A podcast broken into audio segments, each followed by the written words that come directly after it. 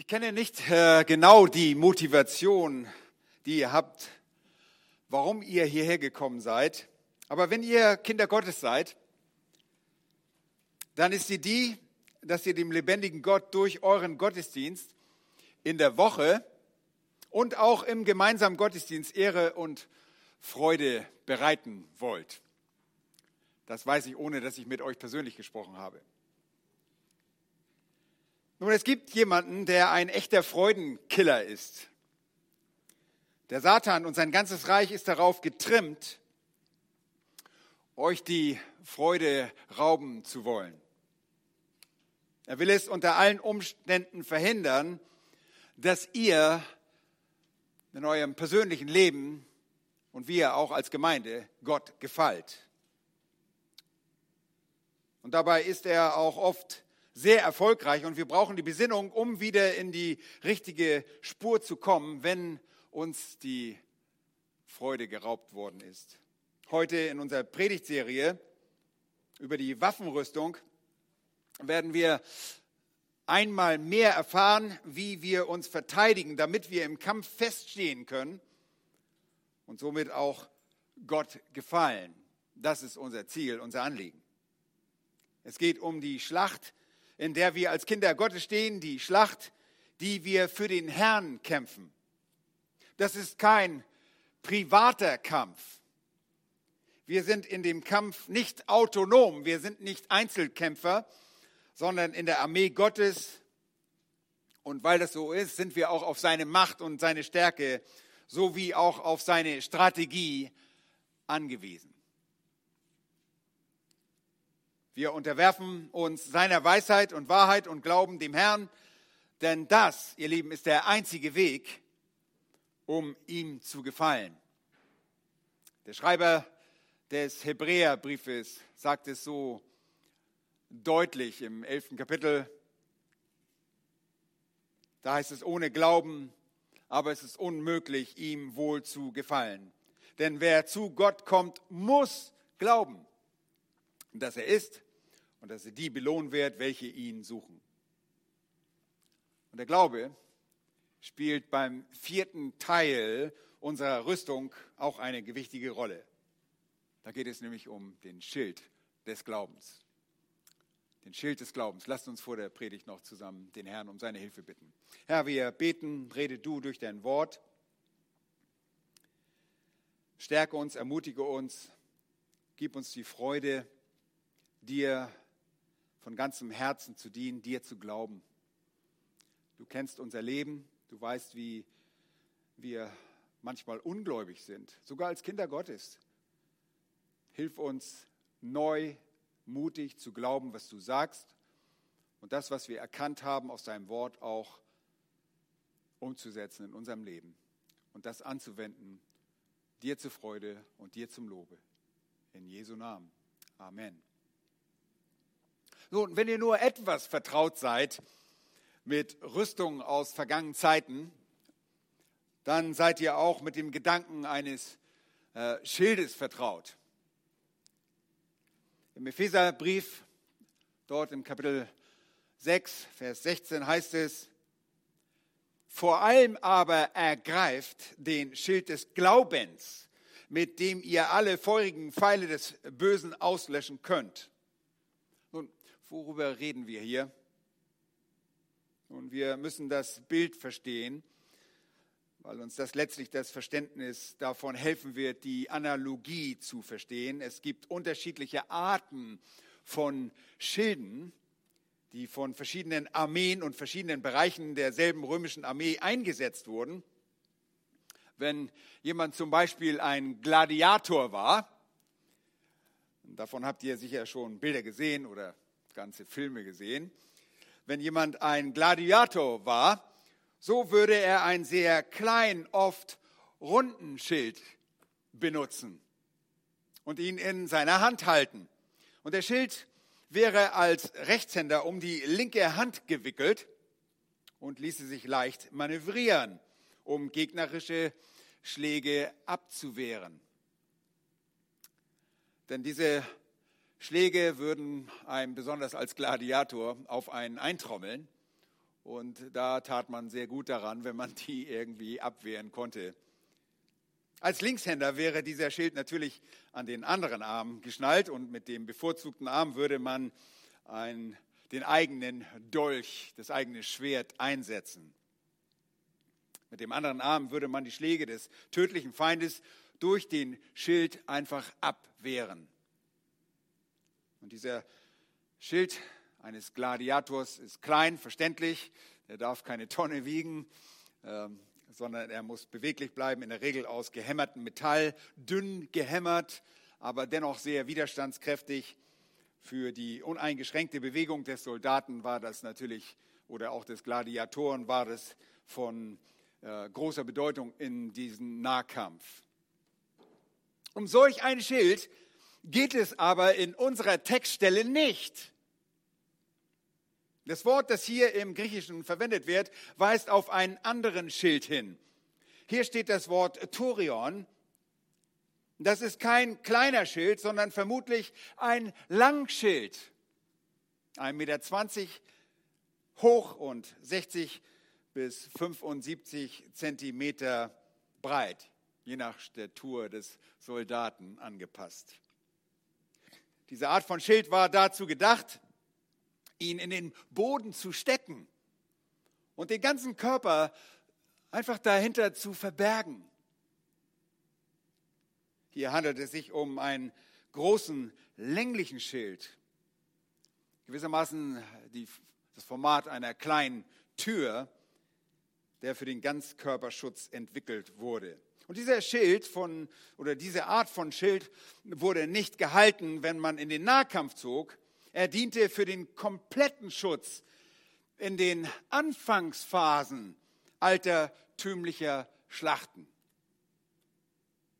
Und ihr wisst vielleicht, wenn auch nur aus den Asterix-Heften, so wie ich, wie Armeen in früheren Zeiten in einer Linie kämpften, die man Phalanx nannte. Phalanx. Sie kam wie eine sich seitlich bewegende Schlange über den Boden gekrochen, nur aus Schultern, gewissermaßen Schulter an Schulter bestehend, äh, eine Schulter an die nächsten gereiht, ging sie vorwärts. Und die Armeen in früheren Zeiten taten das und schickten dann als erstes die Soldaten mit diesen Torion-Schilden vor. Diese ganzen Schilde, die kompletten Schutz in den Fronten boten. Und es gab viele Reihen davon und die Körper konnten sich hinter den Schilden verbergen, sodass sie von nichts getroffen werden konnten, das dort durch die Luft flog. Und hinter ihnen, hinter diesen Schilden, hinter diesen Soldaten befanden sich dann die Bogenschützen, die ihre Pfeile über die vielen Reihen der Soldaten mit Schilden vor ihnen schossen. Und so durchquerten sie allmählich das Land, eine solide Schutzlinie also, bis sie den Feind im Nahkant, äh, Nahkampf verwickeln hatten. Und dann wurden diese Langschilde beiseite gelegt. Dann galt es einfach nur mit einem Schwert, mit einem solchen Dolch zu kämpfen. Die Langschilde waren in diesem Fall dann nutzlos. Und man zog, wenn man vielleicht hatte, ein, einen kleineren Schild weiter in diesen Nahkampf. Ansonsten hätte man einfach nur sein eigenes Schwert. Aber was ist das? Nun achtet hier bitte auf einige sehr wichtige Komponenten. In der Schlachter 2000 steht vor allem aber. Hier gibt es eine äh, Textvariante bei der Präposition Kurzum, das vor allem aber bedeutet nicht, dass das wichtiger ist. Das könnte man denken. Und äh, ich habe auch Textausleger gefunden, die das so sehen, die sagen, das ist das Allerwichtigste. Aber das bedeutet nicht, dass es wichtiger ist, sondern nur, dass das allem zuvor Erwähnten hinzugefügt werden soll. Ihr müsst euren Gürtel tragen. Ihr müsst alle losen Enden dieser Tunika festzurren, um bereit zu sein. Ihr müsst euren Brustpanzer angelegt haben und eure lebenswichtigen Organe damit schützen. Und ihr müsst Schuhe tragen, damit ihr fest stehen könnt. Und zusätzlich zu all dem, zusätzlich zu all dem, was ihr bereits angezogen habt, braucht ihr noch einen Schild. Und das bietet euch dann diesen doppelten Schutz. Vor allem bedeutet also zusätzlich zusätzlich zu den Stiefeln, zusätzlich zu dieser Schärpe, zusätzlich zu diesem Brustpanzer braucht ihr den Schild. Nun, um die ersten drei Elemente allein geht es nicht. Das reicht nicht aus. Neben diesen ersten drei erwähnten Elementen nehmt ihr noch drei weitere. Den Schild des Glaubens und den Helm des Heils und das Schwert des Geistes. Das ist, wie ihr seht, in Versen 16 und 17 und der Schild des Glaubens, Vers 16, der Helm des Heils und das Schwert des Geistes in Vers 17. Ihr habt also drei Teile, die gewissermaßen befestigt sind und drei Teile, die hinzugefügt werden. Ein Soldat trägt seinen Gürtel. Der Soldat ist darauf vorbereitet und bereit, in den Kampf zu ziehen. Er trägt seinen Brustpanzer und er zieht die Stiefel an. Vielleicht ist er immer noch im Ruhezustand, im Bereitschaftsdienst. Aber sobald der Kampf wirklich beginnt, nimmt er den Schild auf und setzt seinen Helm auf und ergreift auch sein Schwert. Er ist also unverzüglich bereit. Es geht also nicht nur um eine langfristige übliche Routine und konstanten Schutz. Wenn der Kampf sich zuspitzt, gibt es einige Dinge, die ergriffen werden müssen.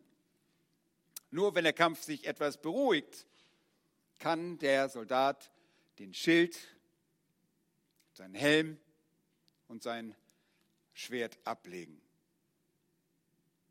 Doch zu jeder Zeit trägt er seine Stiefel seinen Brustpanzer und seinen Gürtel, damit er die zusätzlichen Teile jederzeit, wenn der Schlachtruf kommt, aufnehmen kann und in den Krieg ziehen kann. Nun, die erste dieser drei zusätzlichen Komponenten in Vers 16 ist der Schild des Glaubens. Der Schild des Glaubens. Und die Frage stellt sich, wofür dient der Schild des Glaubens? Nun, er dient dazu, und der Text sagt es so deutlich, alle feurigen Pfeile des Bösen auszulöschen. Und die Bildhaftigkeit des Textes ist wunderbar und sehr anschaulich. Wer ist der Böse? Harponeros, das ist der Satan. Er ist die Quelle des Angriffs. Und wir kämpfen nicht nur gegen das Böse in der Welt, wir kämpfen gegen den Bösen. Und das haben wir bereits gelernt und das wird hier nochmals deutlich. Es handelt sich also nicht nur um irgendeine abstrakte, unpersönliche äh, Sache, irgendeine unpersönliche Größe. Das Böse ist nicht irgendeine schwebende Kraft. Es ist nicht einfach die Realität des Negativen im Universum. Nein, nein. Es ist ein persönlicher Teufel. Das Böse in Person und das beschreibt zutreffend auch seine Absichten. In 1. Johannes 5, Vers 19 lesen wir, die ganze Welt liegt in dem Bösen. Nun, das wird allerdings nicht in jeder Übersetzung so zu erkennen sein, aber hier spricht es von dem Teufel. In den Schlachten zu jener Zeit gab es Mittel und Wege, um mit Schilden ausgerüsteter Krieger umzugehen und sie anzugreifen, obwohl sie Schilde hatten.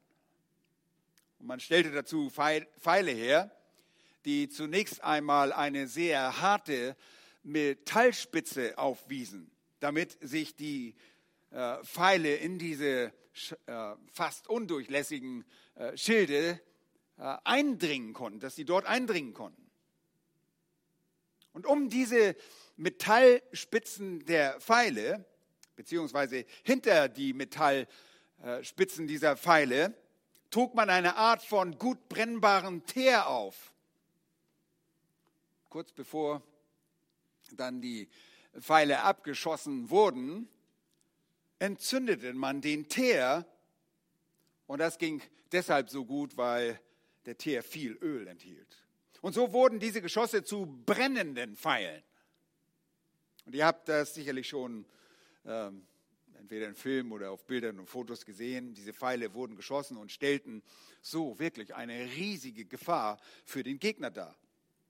Und natürlich versuchte die gegnerische Seite, die Schilde ihrerseits, gegen diese Art der äh, Bedrohung zu präparieren.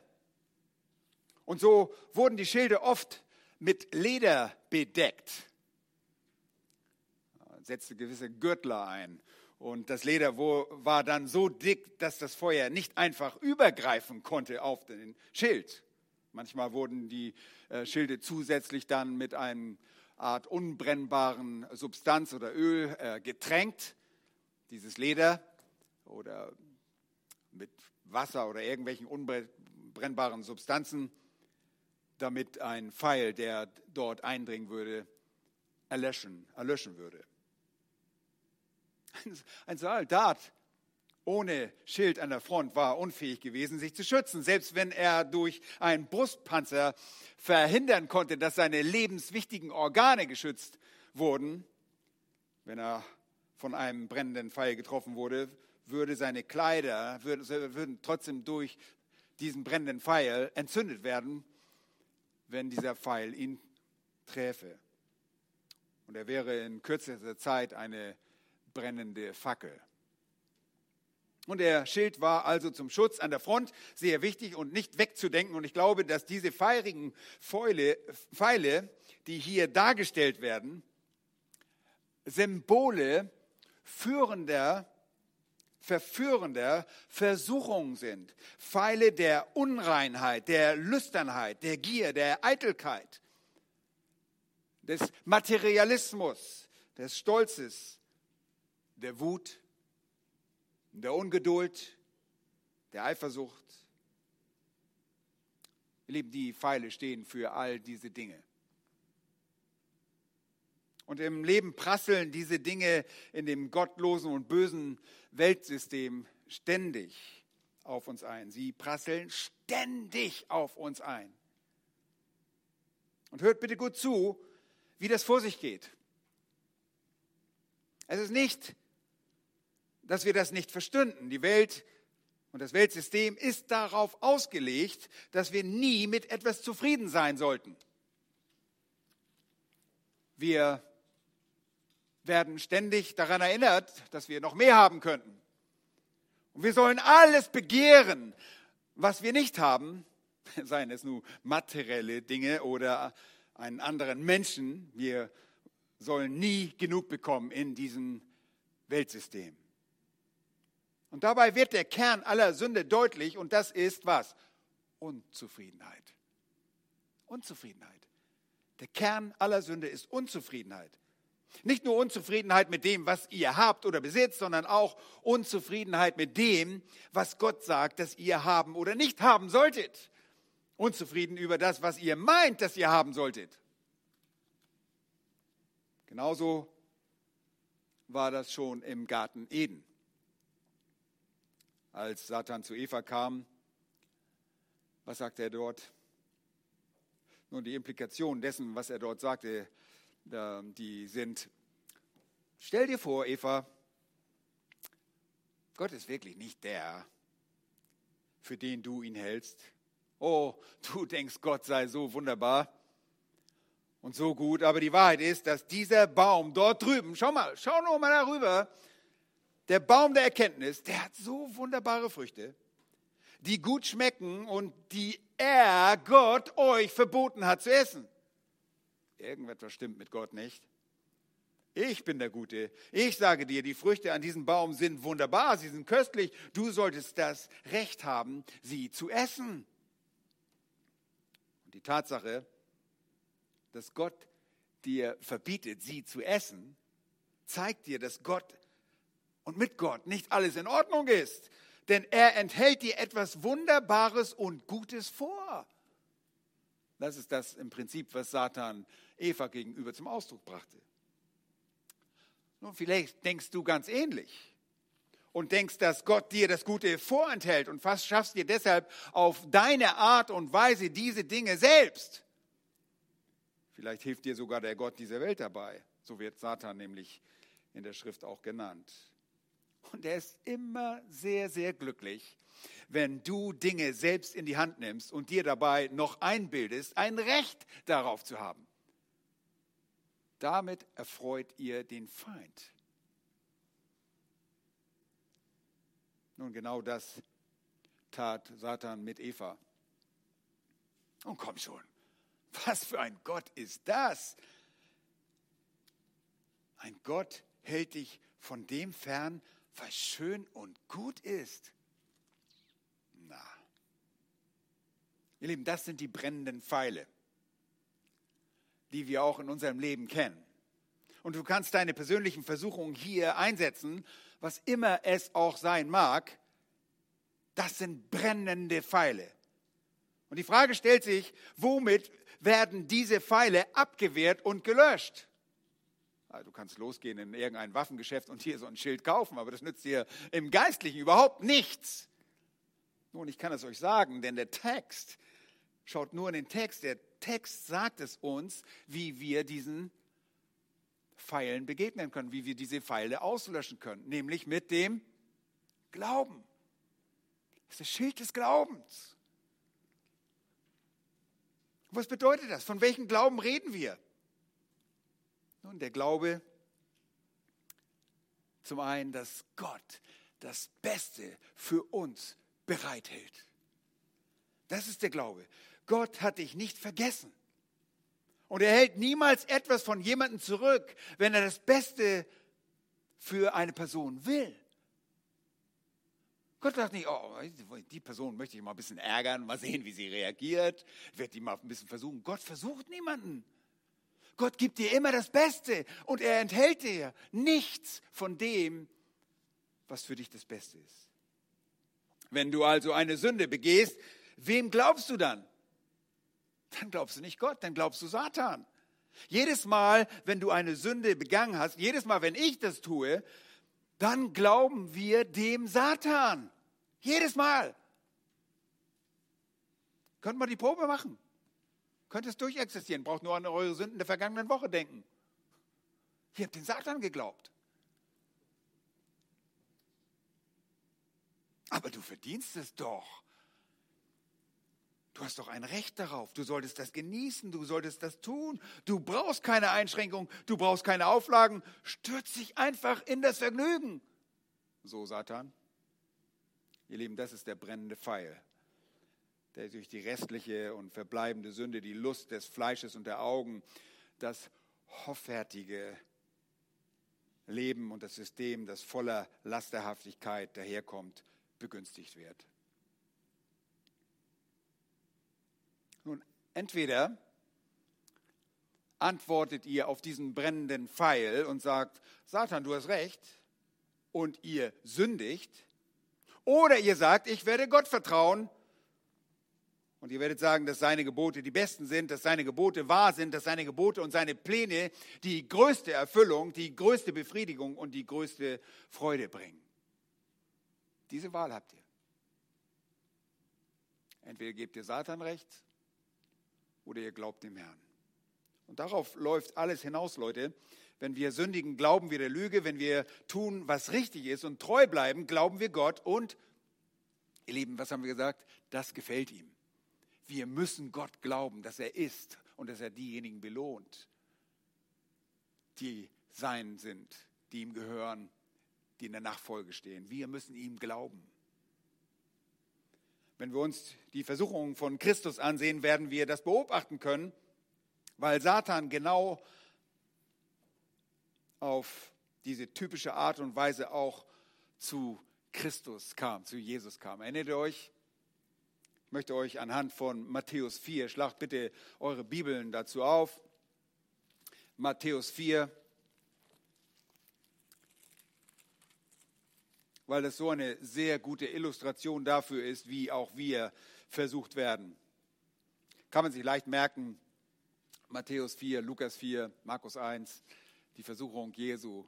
Ähm, sehr wichtig für uns, weil sie Jesus uns das ultimative Vorbild gibt, wie wir in Versuchungen umgehen sollen.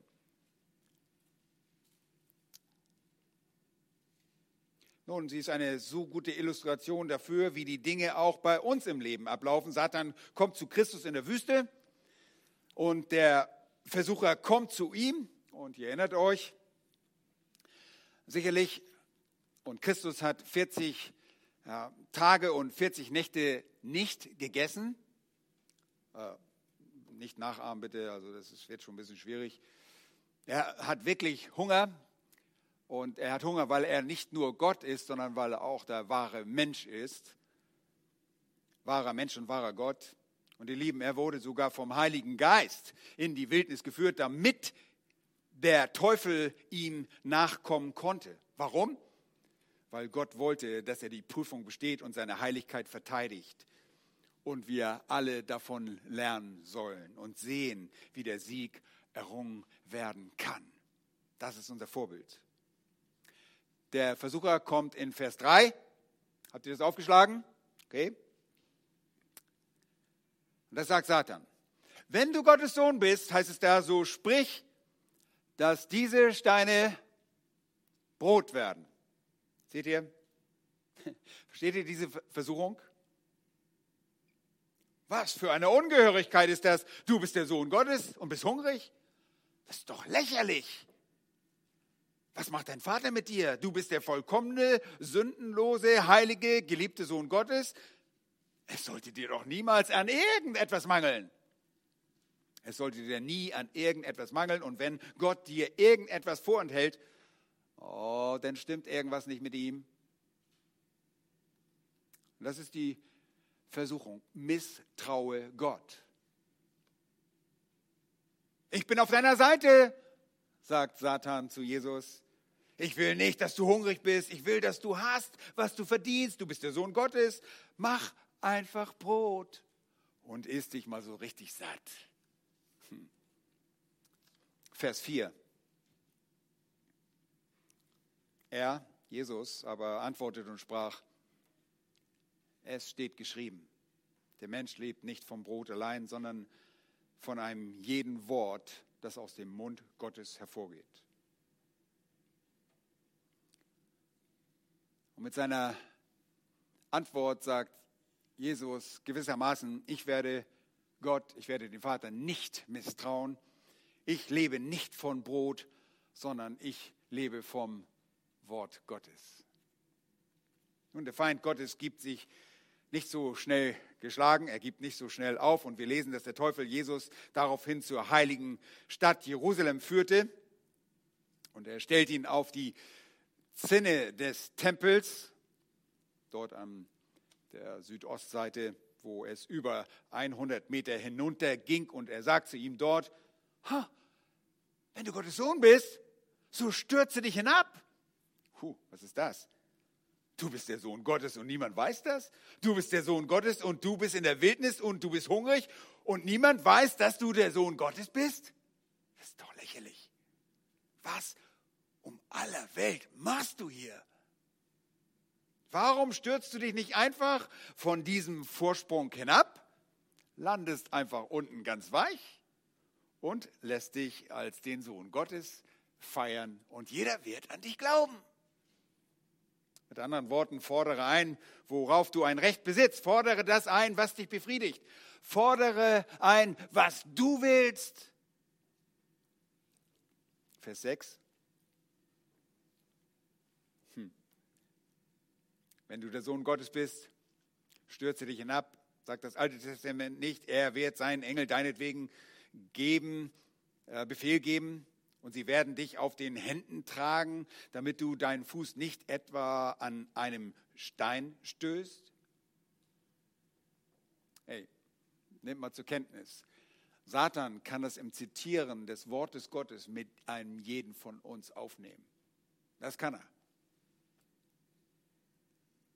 Bitte beobachtet jetzt, wie Jesus auf das vom Satan vorgetragene reagiert. Er sagt nochmals, wiederum steht geschrieben, du sollst den Herrn, deinen Gott, nicht versuchen. Und damit sagt er ausdrücklich und unterstreicht, Ich werde nichts tun, das Gott nicht für mich vorgesehen hat und ihn damit auf die Probe stellen. Ich werde Gott vertrauen. Ich werde ihm vertrauen. Er wird mir Nahrung geben, wenn die Zeit dazu reif ist, und er wird mich als Messias verkünden, wenn die Zeit dafür gekommen ist. Ihr Lieben, lasst uns niemals glauben, dass der Teufel mit seinen Versuchen, Jesus zur Sünde zu verleiten, gleich aufgab. Das tat er nicht. Und er tut es auch bei uns nicht. Er ist ein beständiger Versucher und ein Anlauf folgt dem nächsten gegen alles, was gut und wahr ist. Immer und immer und immer wieder.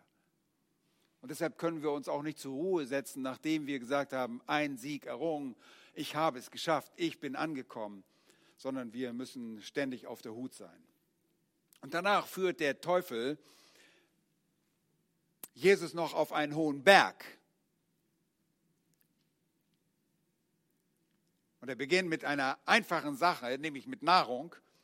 Und dann gibt er Jesus eine etwas größere Sache und sagt quasi, überzeuge die Juden, dass du der Messias bist. Und dann bietet er Jesus die ganze Welt an und führt ihn dazu auf einen hohen Berg, zeigt ihm alle Reiche der Welt und ihre Herrlichkeit.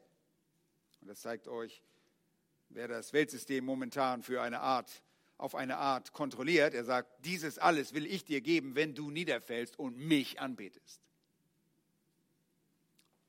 Nun, hatte Jesus ein Anrecht darauf, ein Anrecht auf alle Reiche der Welt? Ja, er hat ein Anrecht darauf. Natürlich. Selbstverständlich hatte er das. Und genau da, an dieser Stelle, hakt Satan auch ein. Er bestätigt sein Anrecht auf diese Reiche, aber gibt dem Ganzen einen Twist. Er verdreht diese Angelegenheit ein bisschen. Wie? Nun, er fragt im Prinzip, wie? Jesus? Was für ein Gott? Was für ein Gott hast du überhaupt? Das ist ja unmöglich. Etwas stimmt nicht mit Gott. Er hat einen Fehler. Du bist hungrig und du bist sein Sohn? Du bist sein Messias, sein Gesalbter? Und niemand weiß davon? Irgendwas stimmt mit deinem Gott nicht. Niemand glaubt es, dass du es bist. Solltest du der König der Welt sein? Doch sieh dich einmal an. Du hockst hier in der Wüste, völlig abgeschieden von den Menschen. Du bist hungrig. Keiner glaubt, dass du der Messias bist. Und du könntest die ganze Welt haben, all ihre Reiche regieren. Hm, ich kann das ändern. Ich werde dir alles geben, was dir zusteht, wenn du nur niederfällst und mich anbetest.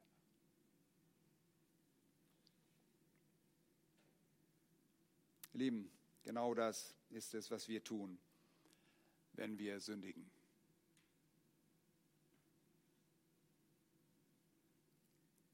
Wir entscheiden uns, dass wir Satan für diese sündige Erfahrung unseres, unseren Gott sein lassen. Für diesen Moment wird Satan unser Gott und wir beten ihn an, wenn wir sündigen. Und ich glaube in dem Moment des Sündigens an ihn, wir glauben in dem Moment des Sündigens an ihn und nicht an den lebendigen Gott. Ist uns das eigentlich bewusst? Ich glaube, wir sind sehr geschickt, das auszublenden. Wenn wir sündigen, denken wir nicht daran. Wir drücken das beiseite. Schrecklicher Gedanke, den wir leider allzu oft ausblenden. Aber genau das tun wir. Wir werden zu Anbetern Satans. Aber dem Herrn sei Dank, das war nicht die Antwort unseres Herrn Jesus Christus. Er sagte, weiche Satan, denn es steht geschrieben, du sollst den Herrn, deinen Gott, anbeten und ihm allein dienen. Seht ihr, Jesus bezieht sich immer auf die Wahrheit, immer auf das Geschriebene, denn dort finden wir das, was Wahrheit ist. Er legt das Geschriebene richtig aus und er wendet das Geschriebene richtig an. Er macht damit die Lüge Satans zunichte. Und so ist der Glaube.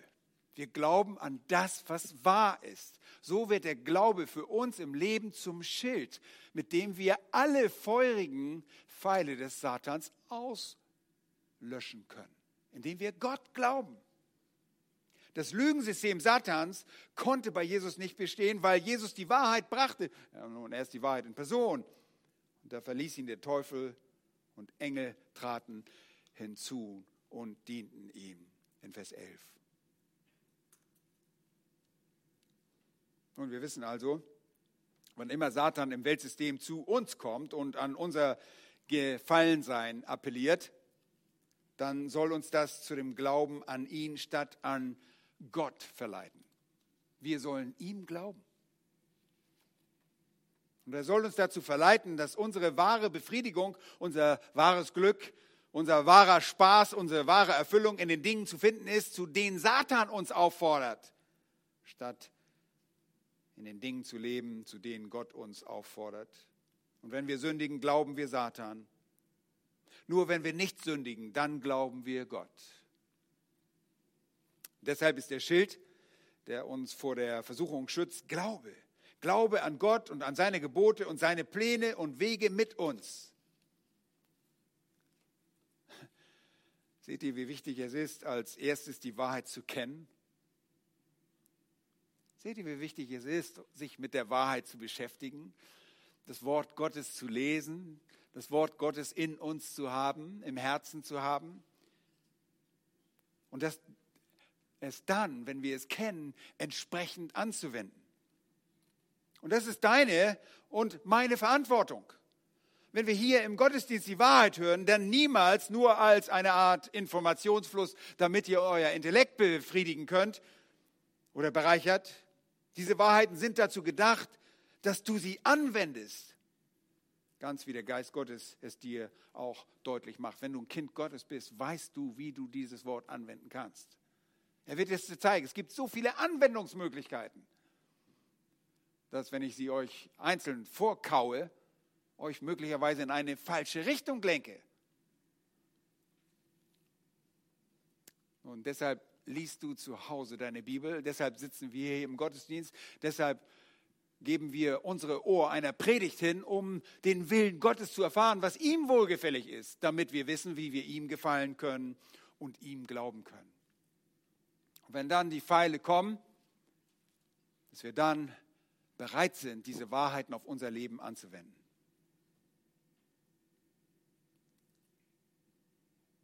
Und das ist nicht immer so einfach. Und ich weiß es selbst.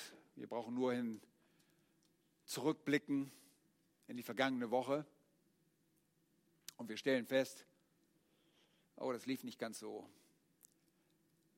wie ich das wollte. Denn wir wollen Gott immer gefallen, oder? Als Kinder Gottes wollen wir ihm gefallen. Und ihr würdet alle stimmen, zustimmen und sagen, ja, wir wollen, das wollen wir tun. Und dann finden wir uns ein, auf einmal in einer Situation, wo wir das nicht mehr tun.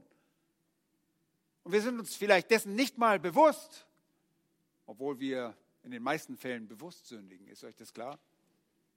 Ihr wisst genau, dass es falsch ist und ihr tut es dennoch. Nun, wir werden es heute dabei belassen und werden uns beim nächsten Mal mit einem weiteren Element der Waffenrüstung beschäftigen, mit dem Helm. Und dann eine ganze weitere Predigt über das Schwert des Geistes, das Wort Gottes. Aber jetzt wollen wir an dieser Stelle, und das ist sehr passend, zum Mahl des Herrn übergehen. Lass uns zuvor beten und dann leiten wir zum Mahl des Herrn über und das ist sehr passend zu diesem Thema. Herr, wir danken dir von ganzem Herzen, dass wir in unserem Glaubenskampf, in dem wir stehen, weil wir als deine Kinder in dieser Welt leben, eine Ausrüstung bekommen haben, Stärke und Macht bei dir finden, nicht in uns selbst, sondern bei dir allein. Du hast uns die ganze Waffenrüstung zur Verfügung gestellt, die ausreichend ist, siegreich zu sein und gleichzeitig und währenddessen auch im Gebet zu dir zu kommen, damit wir unsere Abhängigkeit zu dir ausdrücken. Herr, wir brauchen deinen Schutz. Wir brauchen dein Wort, die Wahrheit. Wir brauchen den Glauben. Und wir wollen dir glauben. Hilf uns, dass unser Glaube ein lebendiger Glaube ist, ein Glaube, der sich durch Handlung auszeichnet. Herr, wir sind dir dankbar,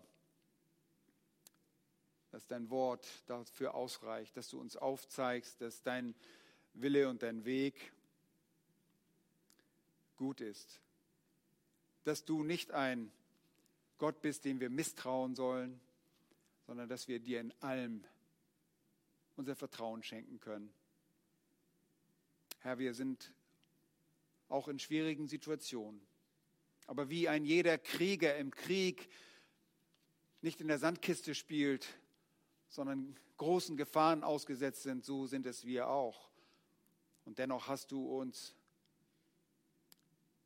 dazu ausgerüstet, dass wir hier in dieser Welt, in diesem Weltsystem leben. Nicht abgesondert in irgendeinem Kloster, sondern mitten in der Welt, damit wir ein Zeugnis sind. Hilf uns dabei, in der Wahrheit zu wandeln und deiner Wahrheit zu glauben. Das beten wir um deines Namens willen. Amen.